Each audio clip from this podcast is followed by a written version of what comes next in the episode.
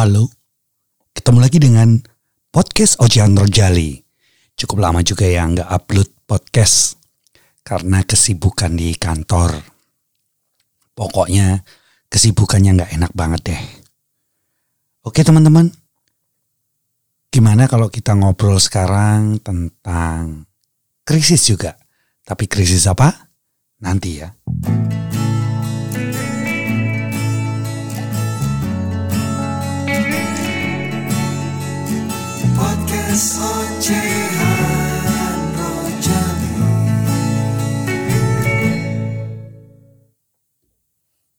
Iya.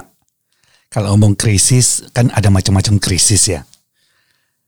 Ada yang kita kenal tuh dua sih sebetulnya.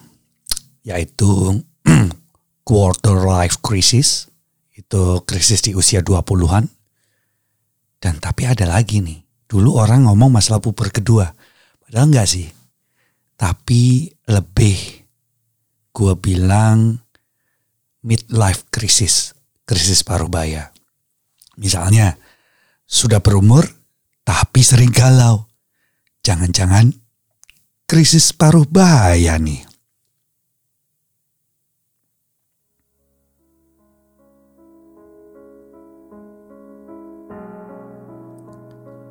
Krisis paruh baya merupakan bagian normal dari perjalanan hidup. Namun, mungkin banyak dari kita yang belum begitu paham apa sebenarnya krisis paruh baya. Apa penyebabnya? Dan bagaimana cara menghadapinya? Jangan-jangan bapak lu, mak lu mengalami krisis paruh baya. Krisis paruh baya adalah periode ketika seseorang berumur 40 sampai 50 tahun yang merasa khawatir, bingung, atau takut pada kenyataan bahwa hidup mereka semakin mendekati masa tua. Sementara di sisi lain, mereka ingin tetap merasa muda kembali menolak tua.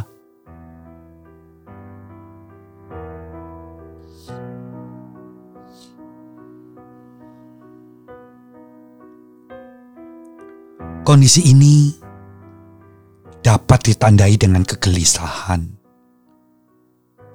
keraguan, kelelahan, merasa seperti orang yang gagal, mengabaikan kebersihan diri, gangguan tidur, kepanikan, kenaikan atau penurunan berat badan,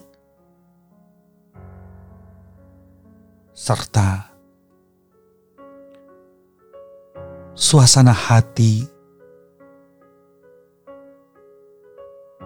yang mudah berubah drastis,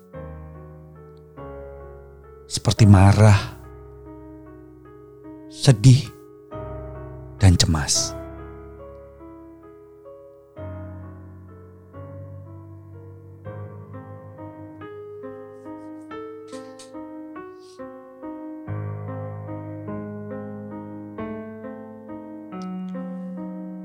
Yuk kita mengenali beberapa penyebab krisis paruh baya.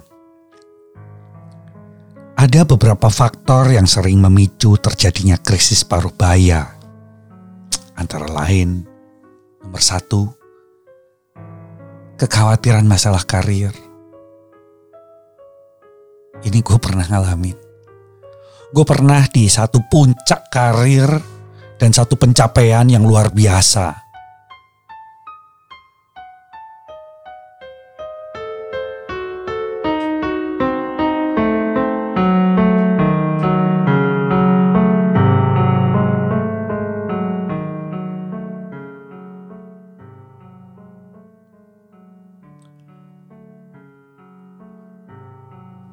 Bahkan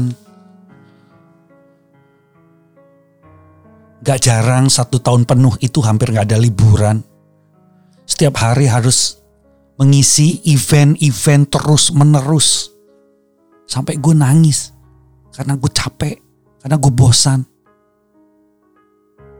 Tapi toh masa itu harus terlewati.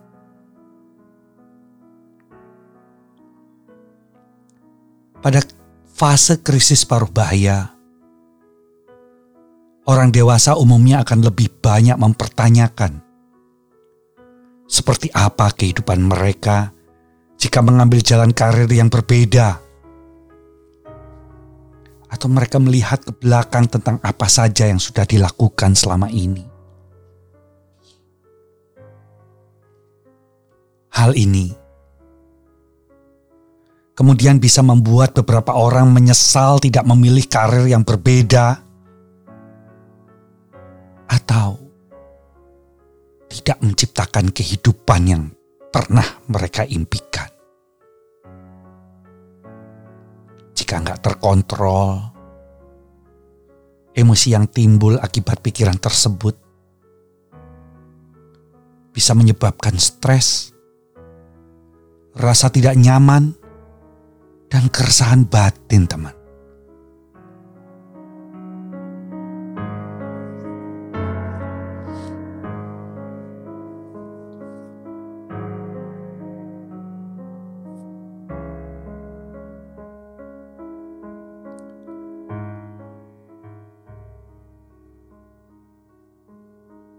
Yang kedua, banyak beban yang dipikul.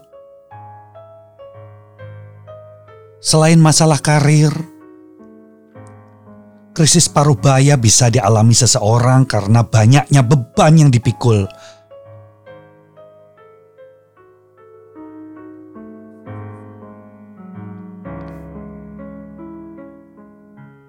Seperti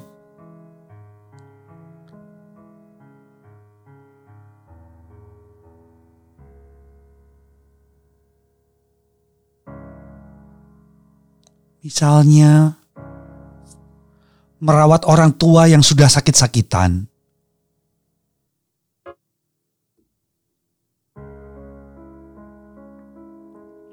Mengurus anak yang masih kecil. Atau membayar banyak tagihan dan hutang. Banyaknya beban tersebut cenderung membuat seseorang melihat kembali kehidupan sebelumnya dan muncul pikiran bahwa dia sebenarnya bisa lebih bahagia bila melakukan perubahan besar. Bila pikiran ini kemudian bisa menimbulkan kegelisahan dan kecemasan finansial di masa paruh baya.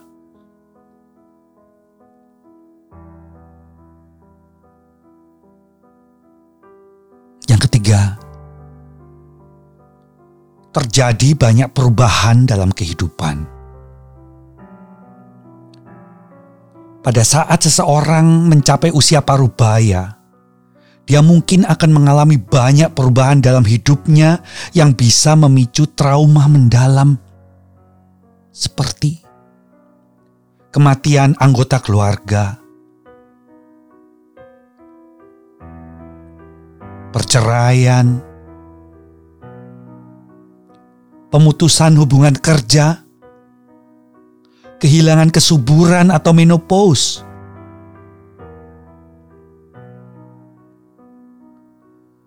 Beberapa perubahan tersebut bisa membuat seseorang terus merasa sedih, cemas, tidak bersemangat, hingga mulai mempertanyakan kembali pilihan-pilihan hidupnya, terutama jika dia mengalami kegagalan dalam rumah tangga.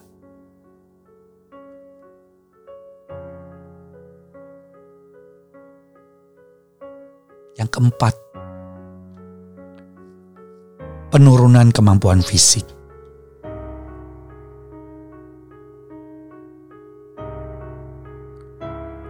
Mulai adanya penyakit yang diderita atau penurunan kemampuan fisik juga bisa memicu krisis paruh baya.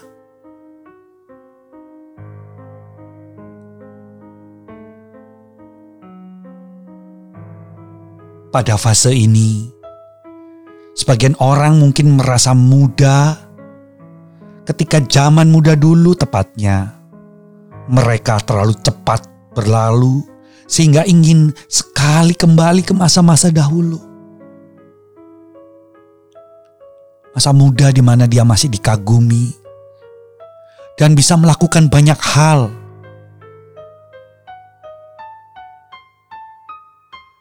Masih menarik perhatian lawan jenis. Bisa berpindah-pindah pekerjaan, memulai bisnis baru. Seandainya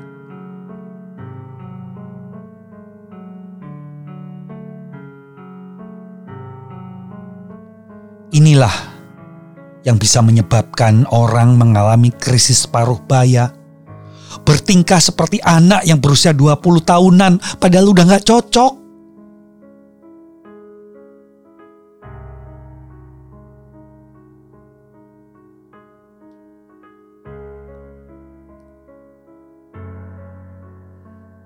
Tapi itu yang terjadi. Lalu, Kira-kira cara menghadapi krisis paruh baya kayak gimana? Sebenarnya wajar jika kalian atau Anda mengalami krisis paruh baya. Wajar. Namun ini tidak boleh dianggap remeh. Karena bila tidak dihadapi dengan bijak, krisis paruh baya bisa menyebabkan depresi atau gangguan kecemasan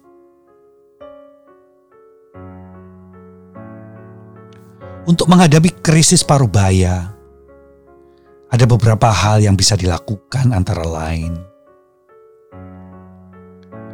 Mengevaluasi kembali pilihan-pilihan hidup dan menentukan hal yang dirasa benar-benar tepat dilakukan.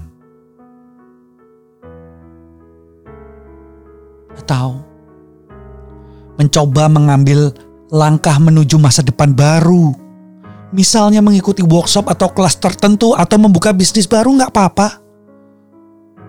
Kalau kuat. Dan tepat.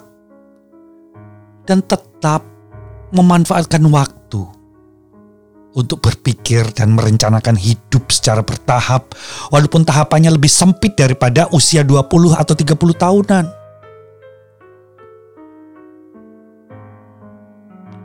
Menghabiskan waktu untuk berlibur dan relaksasi di alam seperti duduk di tepi pantai, berjalan-jalan di sekitar pepohonan atau berolahraga di luar ruangan.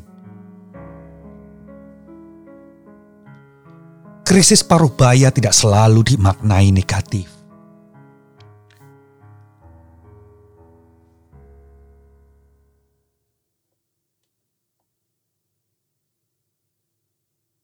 Pada fase ini,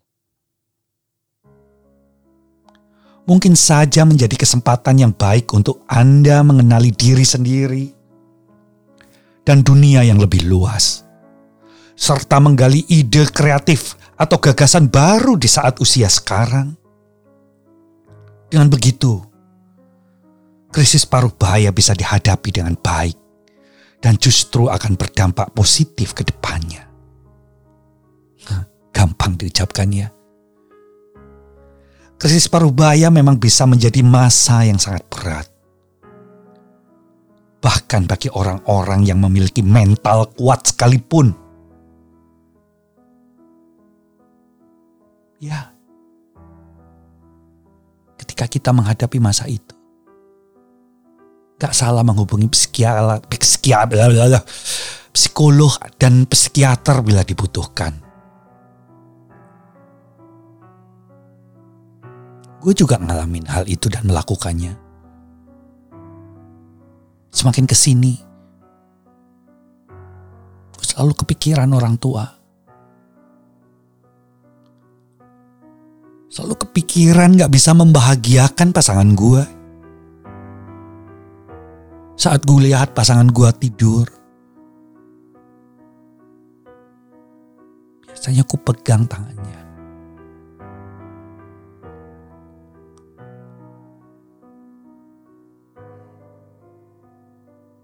Ku benahi selimutnya. cium pipi dan dahinya. Sementara dalam hati bertanya-tanya,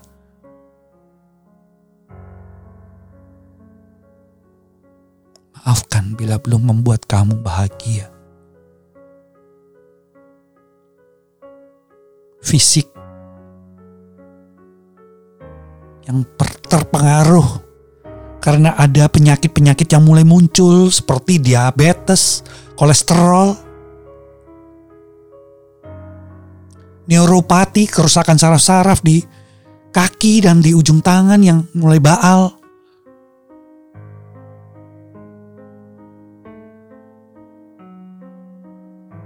Keraguan dan ketidaktahuan nanti gimana untuk membiayainya,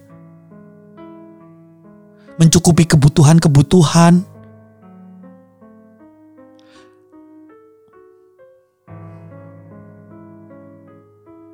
Bagaimana pensiun yang belum disiapkan?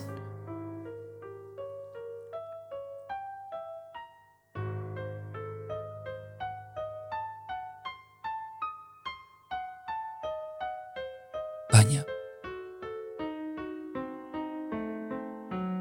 Gua ngalami itu.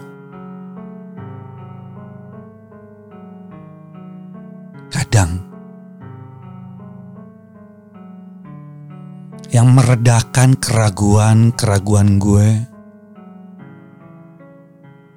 hanya ketika gue dan pasangan duduk dan gue lihat matanya yang coklat indah banget.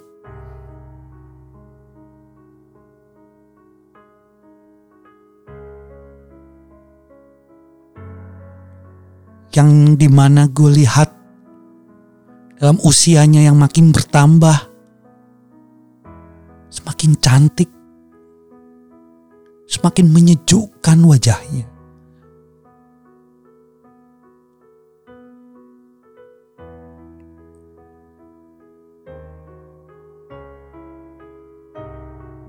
Yang akhir-akhir ini membuat gue bertambah kangen kalau nggak ketemu sama pasangan gue dalam waktu misalnya pasangan gue lagi kerja kantor?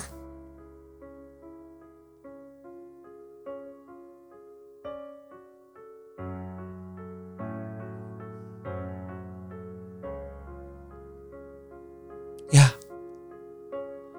Krisis parubaya nggak mudah men. Apalagi di zaman sekarang di mana krisis parubaya, apa yang dialami mereka dirasakan juga di saat mereka mulai menginjak usia 30, 35, bahkan sebelum 40 tahun.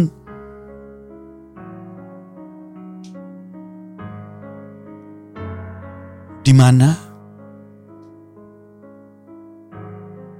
hidup semakin nyata nggak mudah. Hidup adalah rangkaian dari krisis satu ke krisis yang lain ke krisis yang berikutnya.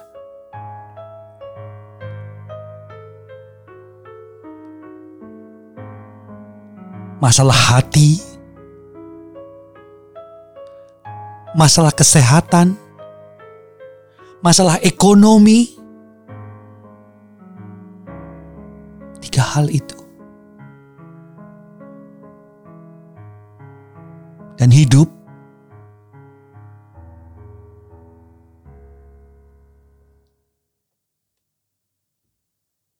tetaplah akan berlalu. Dan kata-kata kebahagiaan adalah omong kosong. Ketika kalian mengatakan bahwa kalian bahagia itu omong kosong.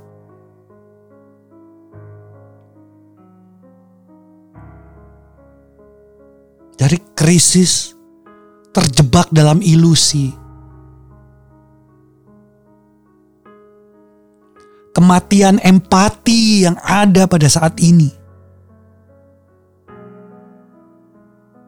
Orang mencitrakan mereka peduli.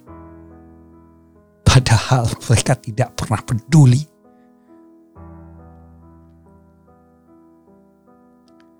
Sebab kepedulian mereka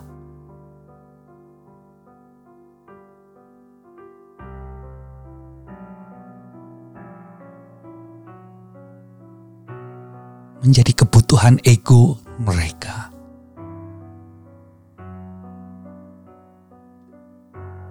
Teman-teman muda, apakah kalian siap menghadapi krisis-krisis itu?